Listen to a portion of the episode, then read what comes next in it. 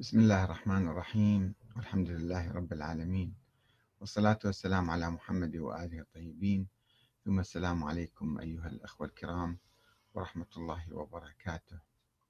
مبادئ أولية في التفكير المنهجي السليم والحوار المنتج. بين فترة وأخرى يتقدم بعض الإخوان بطلب الحوار معي. منذ عشرين سنة تقريبا أيام شبكة هجر قبل المستقلة قبل قناة المستقلة. كانت هناك حوارات والشيخ علي كوراني تقدم بطلب الحوار وحاور ومشى خطوات. وعندما وصلنا إلى نقطة الحسم آه، فقلت له هناك مبادئ للحوار. أرجو أن تلتزم بها حتى يكون حوارنا منتج. أما أنه نجي بس نتجادل وواحد يروح يمين وواحد شمال وطول وعرض فالحوار يصبح عقيم وعبثي يعني. وفي الآونة الأخيرة أيضا العام الماضي دائما بين فترة أخرى يجون بعض الأخوة يستعرضون عضلاتهم. والله أنا تعال نتحاور مع فلان. طيب أول شيء لا تهرج ولا تسب وشتم. تتحاور تكون شوية يعني موضوعي طالب للحقيقة طالب للمعرفة مو طالب ملاكمة. جاي تتلاكم. الحوار مو ملاكمة. بعدين هناك مبادئ أولية للحوار يجب على كل إنسان أن يعني يلتزم بها حتى هو يفكر تفكير سليم قبل ما يروح يعني يناقش الآخرين أو يتحاور معهم أو يحاول يقنعهم. آه، أن يطلع أول شيء يطلع على كتبهم على أقوالهم بالتفصيل ماذا يقولون ويسجل نقاط ويجي يعني يابا أنا أختلف معك في هالنقطة أتفق معك معك في هالنقطة وما شابه والمبادئ الأولية في الحقيقة هو العقل اللي الله أعطاه للإنسان بالعقل عرفنا الله تعالى. لو ما عندنا عقل الآن خلينا نغلق عقولنا مثلا. كيف نعرف الله موجود؟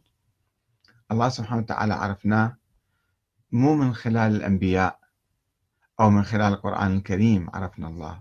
لا. الله إحنا أول ما نفتح عيوننا الحياة ونرى أنفسنا ونرى هذا الكون البديع والخلق العظيم. نعرف أن وراء هذا الكون وراء هذا الإنسان هناك خالق مبدع عالم قدير حكيم عاقل وكل شيء يسوي بحكمة. نشوف الحكمة الله تعالى في كل شيء. فنعرف أن هناك خالقا. هناك الله سبحانه وتعالى. بعقلنا عرفنا الله. حتى لو ما في أنبياء واحد عايش بجزيرة مثلا معزولة الأمواج هو طفل صغير ثبته بهاي الجزيرة ويفتح عينه يفكر يشوف الخلق يشوف الكون يشوف المخلوقات الحيوانات الفواكه الطعام آه، الطيور كل شيء يشوفه بحكمة يعني. حتى إذا ما فهم الحكمة من بعض الأشياء بس يفهم أنه هو في واحد خالق قدير وخالق واحد لهذا الكون. بعدين نجي آه، إثبات صحة النبوة. إثبات صحة النبوة نبوة كل الأنبياء ونبوة نبي محمد مثلا صلوات الله وسلامه عليه.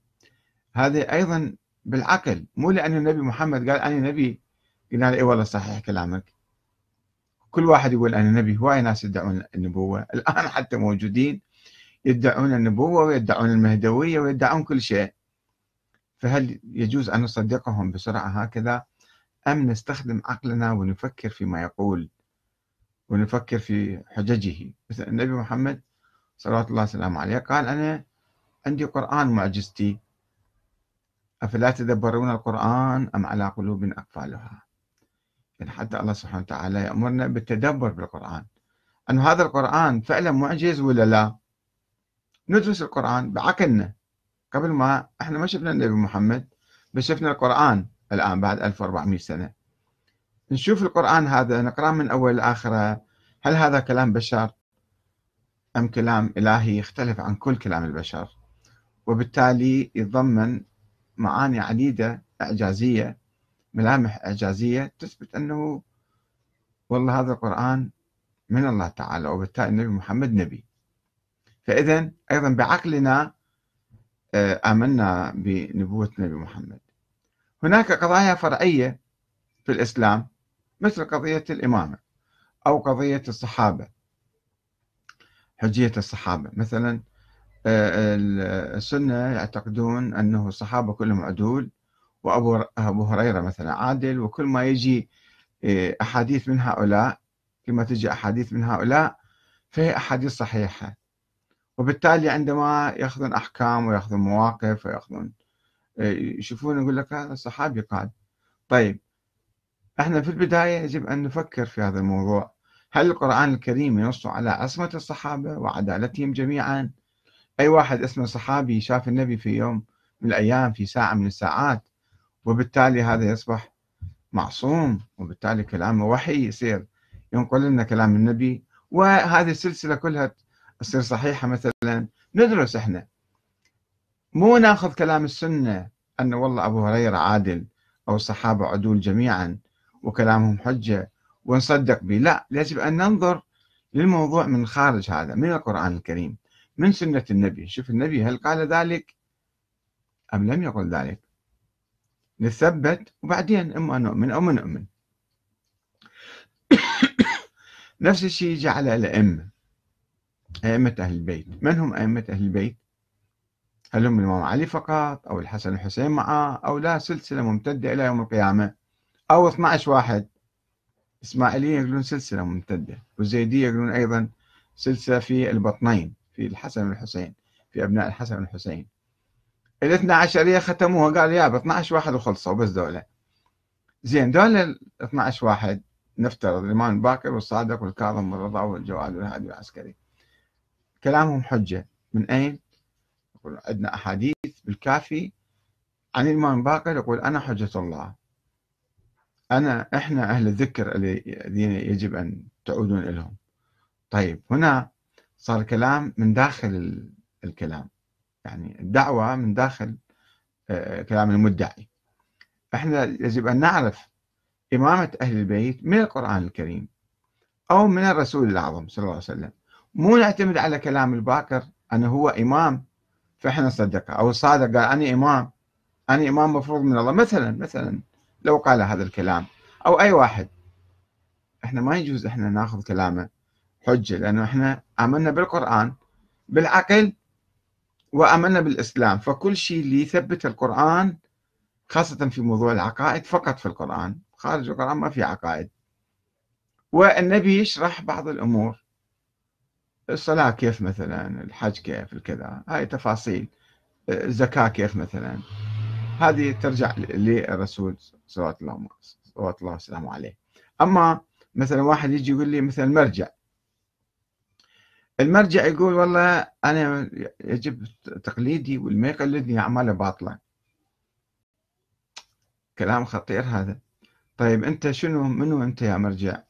يقول أنا مرجع أنا أعرف الدين يعني. طيب بس الله بالقرآن ما قال اتبعوا مرجع معين شخص معين اتبعوه قلدوه كل شيء يقول اسمعوا كلامه. فلازم أنت عندك دليل لو من القرآن لو من السنة النبوية أيضا ما موجود. من أهل البيت أيضا ما موجود. أحاديث ضعيفة اثنين ثلاث حديث حديثين مفتعلات بعدين. يقول لك لا بالعقل. أنت ترجع للمرجع بالعقل. ما عندنا نص. هم كلهم يعترفون يقولوا ما عندنا نص على التقليد. وجوب التقليد. إنما العقل يقول أن الجاهل يرجع للعالم. طيب. ولكن أي عالم وأي جاهل كل الناس جهلة أو لا يمكن واحد أيضا يتعلم فهو يعتمد على نفسه يجتهد إلى حق الاجتهاد أو يحتاط. أو أنه يشوف أنت أصلا مجتهد لو مو مجتهد. تدعي مثلا شهادتك مزورة مثل الأطباء شهاداتهم مزورة مثلا. فأنت ما يصير تأخذ كلام أي واحد. فإذا التقليد مثلا ما يمكن أنت تتبع المرجع لأنه قال أنا مرجع يجب أن تسمع كلامي. يجب أن تسمع من خارج. كذلك الإمامة من الخارج أول شيء تثبتها. مو أنه والله هاي الأحاديث صحيحة مثلا. ليش صحيحة؟ هذه أحاديث أهل البيت. طيب من قال لك هاي أحاديث أهل البيت؟ رواها أصحاب أهل البيت. طيب منو قال ذولا الأصحاب جيدين وناس كانوا غلاة ومنحرفين وكذابين ودجالين حوالي أهل البيت شلون أنت تتأكد هاي الأحاديث صادرة من الأئمة لك لا بعد هذا علماء رجال يصححون هؤلاء. طيب أنت مرة تقول أنا ما أخذ بعلم الرجال لأنه يشككون في بعض الرواة ومرة تأخذ بعلم الرجال تأخذ تعتمد يعني تقلد السابقين واللاحقين في تقليدهم لهؤلاء الرجال. كلهم زينين حبابين طيبين خوش وادم. وما يكذبون فناخذ أحاديثهم وبالتالي تاخذ كلام منسوب للإمام باكر الصادق وهو مو صحيح. الإمام تبرأ من عنده. نجي على الموضوع الأهم اللي دائما يثيرون فيه الحوار معايا يعني.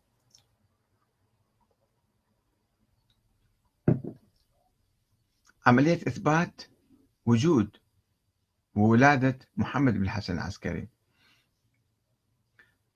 مثلا بعض الأخوة شفتهم بالأيام الماضية أجوا يحاولون يعني أنه عندنا أحاديث صحيحة. عندنا أحاديث صحيحة على ولادته. طيب يا أخي العزيز هل الحديث الصحيحة من وين جبتها؟ جبتها من السنة من المسيحيين من اليهود ولا جبتها من الإمامية الاثنى عشرية اللي يؤمنون بهذا؟ موجودة بالكافي. طيب الكافي هو يؤمن بالإمامة ويؤمن بالإمام الثاني عشر. طيب هو يسوي أحاديث يعني متهم هو يسوي أحاديث حتى آه، يعني يأيد مذهبه. يقول لا هو نقلها من النواب الأربعة. النواب الأربعة كانوا مثل ما السيد محمد باقر الصدر رحمة الله عليه كان يقول أنه ذولا بعد مو معقول نشك بهم ذولا الناس كلهم معترفين فضلهم ويعني عدالتهم وكذا. طيب منو اللي اعترف بعدالتهم؟ الشيعة الاثنى عشرية. طيب هم دي يأيدون نفس النظرية. فصار من الداخل.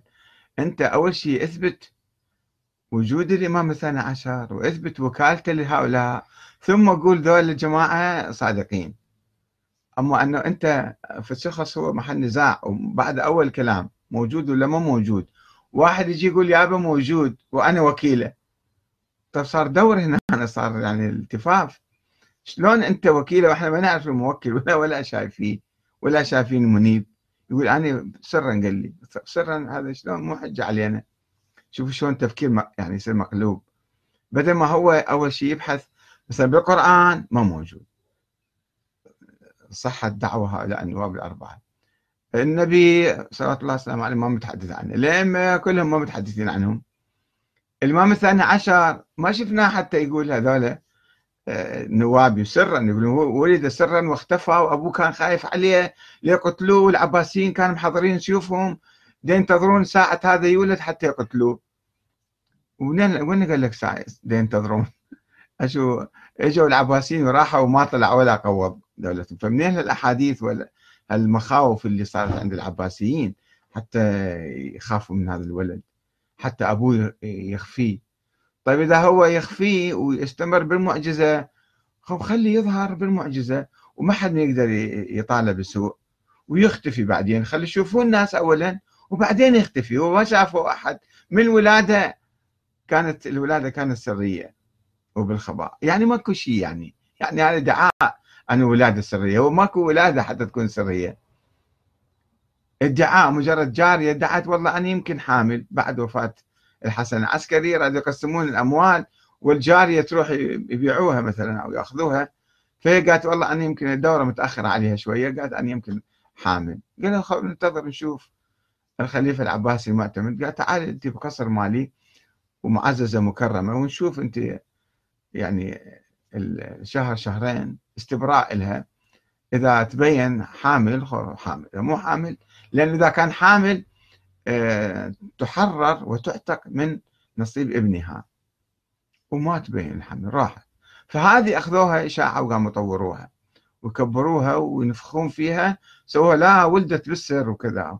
ولدت قبل ولدت, ولدت بعدين هم ما يدرون. في زمن العسكري ما كان الإمام العسكري ما يعرف عنده ولد. قال لا بعدين ولدت. ما ما شفنا إحنا ولد في زمان العسكري. قالوا بعدين طيب متى؟ قال لا باقي بطنها إلى أن تلد. باقي سنوات مثل بعض السنة يقولون أن الحمل يمكن يبقى ثلاث أربع خمس سنوات مثلا. فهذا بقى الحمل في بطنها هكذا قالوا. هذا النبختي يذكر تفاصيل الفرق اللي عقلهم في خلل. قاموا يصورون تصورات عجيبة وغريبة اي هو حتى يمشون دعاياتهم وكذا. كل واحد له مصلحة معينة. زين. فهسه يجينا واحد يقول لي أكو أحاديث صحيحة. مثل ما شفتوا الشيخ عدنان العتابي. أكو أحاديث. طيب أحاديث صحيحة. من جبتها من الكافي أو من الصدوق. ما الصدوق هو متهم. هو نفسه دي, يروج له في العقيدة فيختلق الأساطير حوله ويختلق الروايات. شلون نصدقه صدوق؟ إنسان كاذب مثلا. شلون صار صدوق عندك؟ عندك صار بس لو تنظر له من برا تشوف كلامهم ركيك ومتناقض ومتهافت يعني ما له صحة. الروايات اللي تجيبها مال ولادة آه، حكيمة عمة الإمام العسكري جتي وولدت الجارية أو شهدت الرواية متناقضة وممليئة بخمسين أسطورة. خمسين أسطورة فيها. ما يدل على كذب الرواية هذه. خمسين أسطورة. طيب إذا المسألة شلون نصدق أنت الروايات كلها؟ غيبية وأسطورية وخيالية وخرافية. أه يقول لك بالعقل. بالعقل؟ طيب نجي العقل هذا يسموه الدليل العقلي هل هو دليل عقلي؟ يقول لك لا هو الشيخ الصديق يقول هذا مو دليل عقلي بس نسميه مجازا. هذا دليل يعني نظري هو يقوم على مقدمات عقلية. أن الأرض لابد لها من إمام والإمام يجب أن يكون معصوم والمعصوم معين من الله. طيب وبعدين الإمامة تتسلسل وبعدين يقول لك الإمامة لازم تكون عمودية ما تروح إلى أفق الأفقية ما تروح إلى أخ أو ابن أخ أو عم أو ابن عم. طيب لماذا؟ يقول لأن الإمام لا تكون في أخوين بعد الحسن والحسين. فإذا لازم الإمامة تكون عمودية. طيب من قال لك ما تكون عمودية؟ ما تكون أفقية خلي تكون أفقية مو صارت من عبد الله الأفطح إلى موسى بن جعفر خلي تجي من الحسن العسكري إلى هذا. نعم. آه ف نعم الأطفال يشغبون علينا شوي. آه فهكذا إذا يعني آه بعدين أنت تؤمن بالعقل ولا ما تؤمن بالعقل؟ العقل. هنا مقدمة أول مقدمة في هاي الدليل العقلي أن الأرض لابد لها من إمام. طيب وين الإمام الآن؟ شو الأرض ما عندها إمام؟ كيف؟ وين راح هذا الإمام؟ الأرض لابد يعني يعني المجتمع ما يصير يعيش بدون قائد بدون إمام. طيب وين الإمام الله معينه؟ وأن هذا الإمام يجب أن يكون معصوم والله والله يعينه. طيب وين هذا الإمام؟ شو الله معين لنا واحد الآن ولا معصوم ولا هم يحزنون. ما عندنا أي إمام. لذلك إحنا رحنا سوينا انتخابات وصناديق اقتراع وحكم دستوري و. وش اسمه وانتخابات وحكم جمهوري. فليش رحنا اذا اذا ما عندنا إمام. فاذا الله مو لازم يعين إمام. الأرض لا تخلو صحيح. بس مو الله يعينه ولا يجب أن يكون معصوم. الناس المسلمين يعينون الحاكم. مو الله يعين الحاكم مثل الأنبياء. هذا اولا. مرة يقولون إحنا نستخدم العقل وهو مو عقل هو شبهات شبهات نقلية عندهم. الأرض آه، لا تكون الامامه في أخوين هذه مو مو مسألة عقلية مسألة شعار سياسي كان في مقابل زيد هذا طرحوه. طيب ومرة يقولون لا إحنا ما علينا بالعقل ما يمكن تستخدم عقلك. طيب لماذا الغيبة؟ ليش هذا الإمام غايب؟ يقول لا هنا لا تستخدم عقلك بعد. شلون؟ أنا الله معطينا عقل لازم أفكر بالأمور كلها من أولها لاخرها بالعقل. مو نص الطريق وأسكر عقلي. هاي اولا. مرة يؤمنون بالمنهج الظاهري ومرة يؤمنون بالمنهج الباطني. في نفس الوقت يقولون الظاهر هو الحجة. إذا واحد ادعى أنا عندي ولد لازم نقبل من كلامه. وإذا قال ما عندي ولد أي إنسان الان تروحون المحكمه قال أنا ما عندي أولاد. شهد أمام القاضي قال أنا ما عندي أولاد. خلص ما يمكن واحد يجي يقول أنا ابن فلان. إلا يجي بدليل قاطع. مثلا واحد عنده غلط دي, ينفي إيه. فدليل قاطع تجي مرة تقول هذا زوجي كان وهذا ابني من عنده وهاي شهادة الميلاد. فالقاضي يثبته يقول ليش ما تعترف أنت؟ ويسوون تحقيق مثلا ويأكدون أو أو ينفون أو يقولون هاي مرة كاذبة مثلا. إيه. أما أنت تقول لا الظاهر حجة ونفس الوقت تقول الظاهر مو حجة لازم إحنا آه، الإمام العسكري يقول ما عندي ولد بس نقول لا هذا تقية يتكلم. شنو تقية يقول لهم بصراحة مسألة بها إمامة وبها دين وبها كذا حسب قولكم. شلون يستخدم التقية؟ يقول ما عندي ولد ويخلي مسألة الإمامة غامضة والناس في حيرة وما يعرفون شنو صار بالإمامة ويكفرون بعدين الناس بالإمامة. كفروا. كل ناس لما توفى الإمام الحسن العسكري. قالوا تبين الحكي كله هذا خرافي وباطل وبطلوا لأنه وين كيف تستمر الإمامة وما عنده أولاد؟ فإذا كله إحنا كان ضاحكين علينا. هذا الشيخ النوبختي وسعد بن عبد الله الأشعري القمي وكل من كتب حول هذا الموضوع حول الفرق التي تفرقت بعد وفاة العسكري. واحدة منهم من الناس. فشلون يسوي المسألة سرية حتى يوقع الناس شيعته يوقعهم بحيرة وضلال ويخدعهم. الله شو يقول له يعني معقولة؟ ولازم يبين الحجة. واضحة كالشمس تكون الحجة مو مشكل غامضة ملفوفة بالسرداب. هذه مو حجة. حجة الله علنية وقائمة مثل القرآن الكريم. هذا حجة الله. وين القرآن الكريم؟ وين في الدعوة سرية باطنية من تحت لتحت. وبعدين أي واحد يريد يعني يصل للحقيقة هو ويا نفسه أو يتحاور مع واحد خلي شوية يجتهد يعني شوية يستخدم عقله. مو يكون مقلد مقلد لهذا ومقلد لذاك ومقلد لعلماء الرجال ويقول لا علم الرجال مو صحيح وهذا علم سني. انت لو تؤمن بعلم الرجال لو تكفر بعلم الرجال ما ما افتهمنا تريد تثبت شيء لازم أنت توضح موقفك من البداية. هل تجتهد؟ طبعا علم الرجال ما يجوز التقليد به. علم الرجال يعني أنه تدرس الرجال الرواه حتى تعرف هذا الراوي صادق وصحيح ومعتبر وكلامه صحيح من برا مو من الداخل. مو تقلد لي تقول لي والله العلماء أجمعوا على صحته أو وثقوه الطائفة وثقوه هذا ما يفيد. الطائفة ما يصير تعتمد على توثيقه. مثل السنة يوثقون أبو حنيفة. عفوا. يوثقون أبو هريرة مثلا. أنت ما تقبل كلامهم. والله علماء الرجال وثقوا آه، أبا هريرة. تقول لهم لا أنا من برا أنظر له وأنا أشك مثلا يعني أنا ما أبحث موضوع أبو هريرة. إيه، تقول لا أنا ما أعتقد ما أعتبر هالشيء هذا. الصحابة عدول تقول لا أنا ما ما أؤمن بهذه القاعدة أن الصحابة كلهم عدول. يقول لك علماءنا قالوا ذلك. علماءنا علماءكم على رأسي ولكن أنا ما أقلدهم أنا لازم من البداية أجتهد. وأنظر هل الصحابة عدول؟ ماذا يقول القرآن بذلك؟ جميع الصحابة عدول أو غير عدول؟ أول مرة أبحث في هذا الموضوع وأجتهد. كذلك أجتهد في موضوع الرجال. أجتهد في موضوع الرجال وأجتهد موضوع الإمامة. ما يمكن أنا أقبل الكلام مثلا عن الباقر والصادق وأنا بعدني ما مجتهد فيهم. ما أدري هم أئمة الله معينهم ولا ما معينهم. بعدني ما باحث الموضوع. وما أعرف كيف صاروا أئمة مثلا. ما دارس الموضوع أصلا. أريد أبحث فقط مسألة الثاني عشر موجود أو ما موجود. مو هذا جزء من نظرية. هي فرضية. فرضية وجود ولد الإمام العسكري افترضوها فرضية. علماء. قالوا إحنا هاي النظرية مالتنا نظرية الإمامة وصلت إلى طريق المسدود وفاة الحسن العسكري.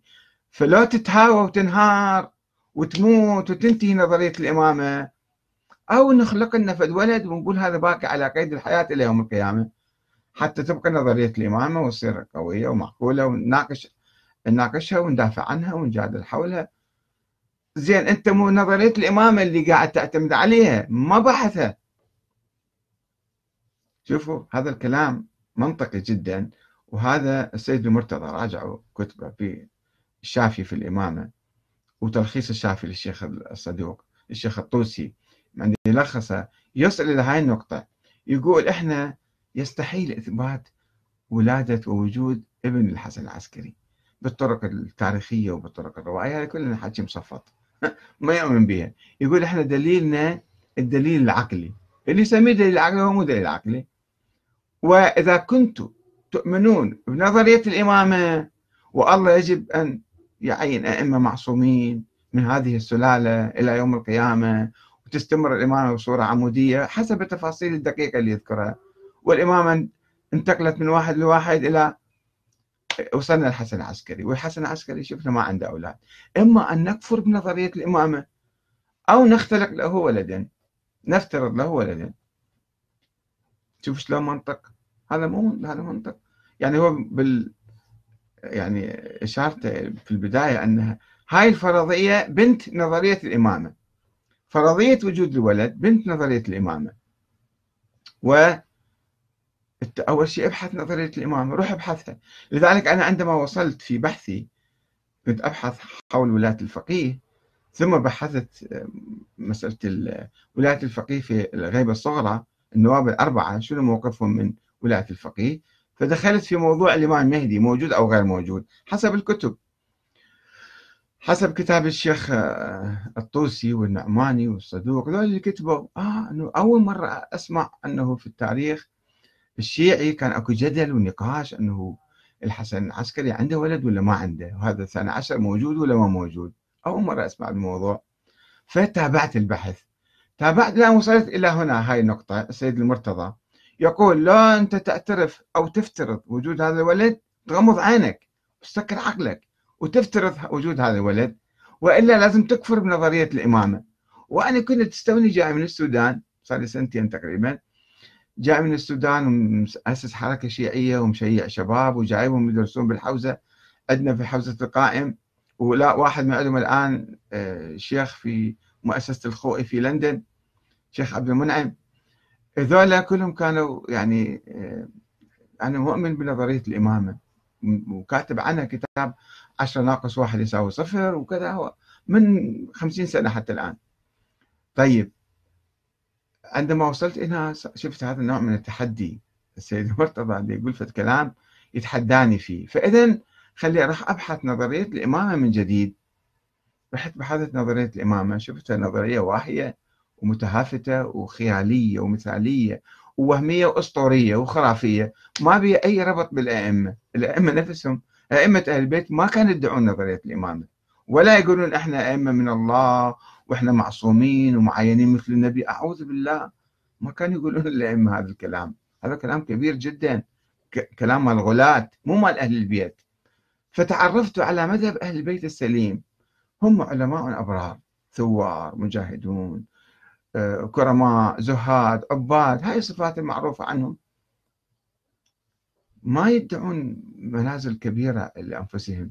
فإذا إحنا ليش نلصق أشياء غصبا عنهم بهم لأنه ورثنا هذا عن آبائنا وأجدادنا وبعدين لما نوصل إلى طريق مسدود نشوف الحسن العسكري ما عنده أولاد نقع بحيرة. نقع بحيرة ونروح نختلق له ولد غصبا عنه وغصبا عن أهل البيت. شخص موهوم وبعدين نربط به كل شيء. وهذا الولد الموهوم نربط به الدين كله. شفت اليوم البارحة طلعت على فتوى سيد السيستاني مكتبة في قوم مصدرها في 2007 واحد اسمه الحاج أحمد الحاج حنطة يسأل أنه شنو موقفنا من الاحتلال الأمريكي للعراق؟ يقول بحثت في رسالتك العملية وجه الخطاب للسيد السيستاني بحثت في رسالتك العملية وما شفت كلام عن الجهاد.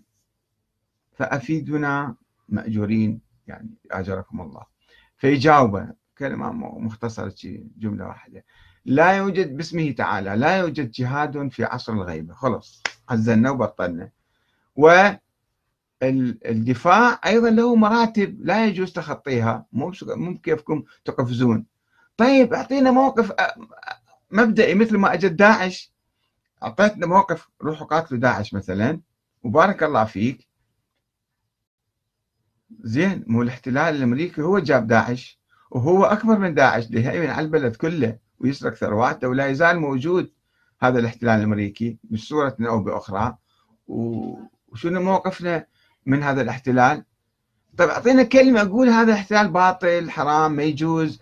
ظالم ونحن نرفضه. ما تقدر تعلن مقاومة مسلحة؟ أوكي طيب ما عندك سلاح أنا أعذرك بس ما عندك لسان تتكلم؟ ما عندك فم تحكي فيه؟ تقول هذا الاحتلال جائر وظالم وما نقبل به. مو إحنا كنا عايشين تحت صدام تحت الظلم. هالمرة نقبل بظلم أكبر من ظلم صدام. ينهب كل وجودنا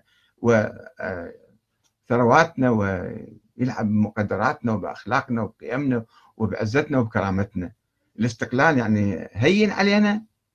الحرية مهمة بس الاستقلال أيضا مهم ولا حرية ولا ديمقراطية في ظل الاستعمار وفي ظل الاحتلال. شفتوا 15 سنة صار لنا نلعب بالديمقراطية. وين؟ شنو سوينا بالديمقراطية؟ الناس كفروا بالديمقراطية لأنه ملعبة لعبة أمريكية مو حقيقية. ما يخلون الشعب يمارس حريته بصورة شفافة وسليمة. يلعبون. فلا ديمقراطية في ظل الاحتلال. طيب أعطينا موقف الاحتلال. يقول لا أنا ما أتكلم. ما تتكلم أنت مسؤول. أنت مسوي نفسك مرجع. مرجع الأمة وزعيم الطائفة وما أدري شنو. على الأقل قول فد كلمة. قول يجب على الاحتلال أن يخرج ونرفض الاحتلال. ليش ما تقول؟ مو قبل ما يجي الاحتلال أول ما بدأ الغزو مو صدرت فتوى. ويا المراجع البقية من إذاعة بغداد تلفزيون بغداد ذاعوها. أيام صدام أنه يجب عليكم مقاومة الاحتلال. طيب بعد ما وقع الاحتلال وقالوا إحنا جايين نحرر العراق من صدام. وبعد ما ثبتوا وجودهم بالعراق قال لا يابا إحنا جايين محتلين إحنا احتلين ونعين رئيس على العراق. وبعدين صحيح صارت مقاومة شعبية وصارت كذا وبعدين كل المرجع ساكت. ليش ساكت؟ لأنه الإمام المهدي غائب وما منطي إذن بالجهاد. طيب أنت سويت النظام الديمقراطي.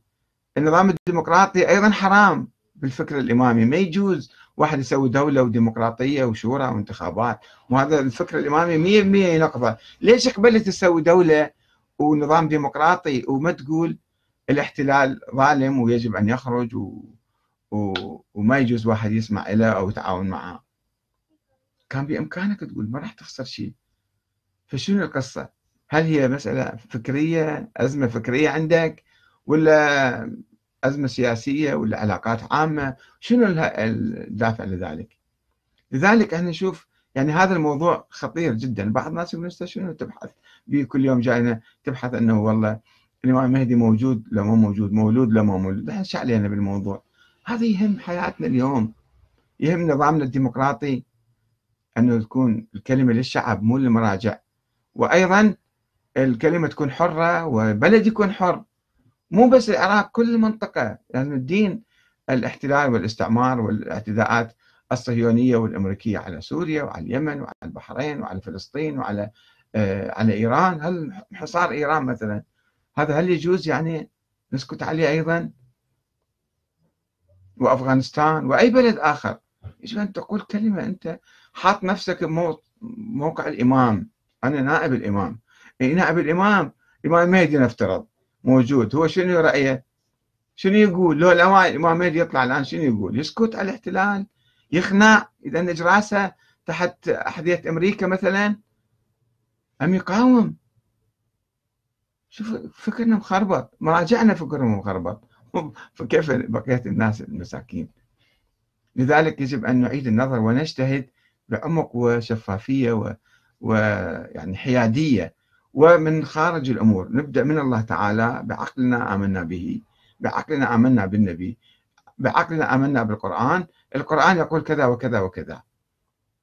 ولا يقول كذا وكذا. لا نجيب أشياء ندخلها بالإسلام. هي مو موجودة. خرافات وأساطير ونسويها عمود الدين. هالخرافات والأساطير والفرضيات الوهمية؟ صارت هاي كل شيء مرتكز الدين كل شيء بانيه عليه على الإمام المهدي ألف سنة ما تجوز المشاركة السياسية ولا آه، الشورى ولا الديمقراطية. بعدين صارت حلال الآن. زين والاحتلال شنو؟ لا هذا مو مكلفين. لا يوجد جهاد في عصر الغيبة. من قال لك لا يوجد جهاد؟ جهاد دفاعي على الأقل. مع الأسف علماءنا ما يجتهدون. شو نسوي يعني؟ شو نقول؟ شلون تتكلم عن المراجع أنت حقد عندك. أي حقد عندي. أي منافس. أنا ما أصير مرجع بمكانه. ولا دع نفسه على الخمس ولا دع نفسه على الفلوس. بس يعني واحد لازم يبحث الأمور حتى يتحرر من العقد من الخرافات والأساطير اللي مسوت لنا مشاكل كثيرة في حياتنا. والسلام عليكم ورحمة الله وبركاته.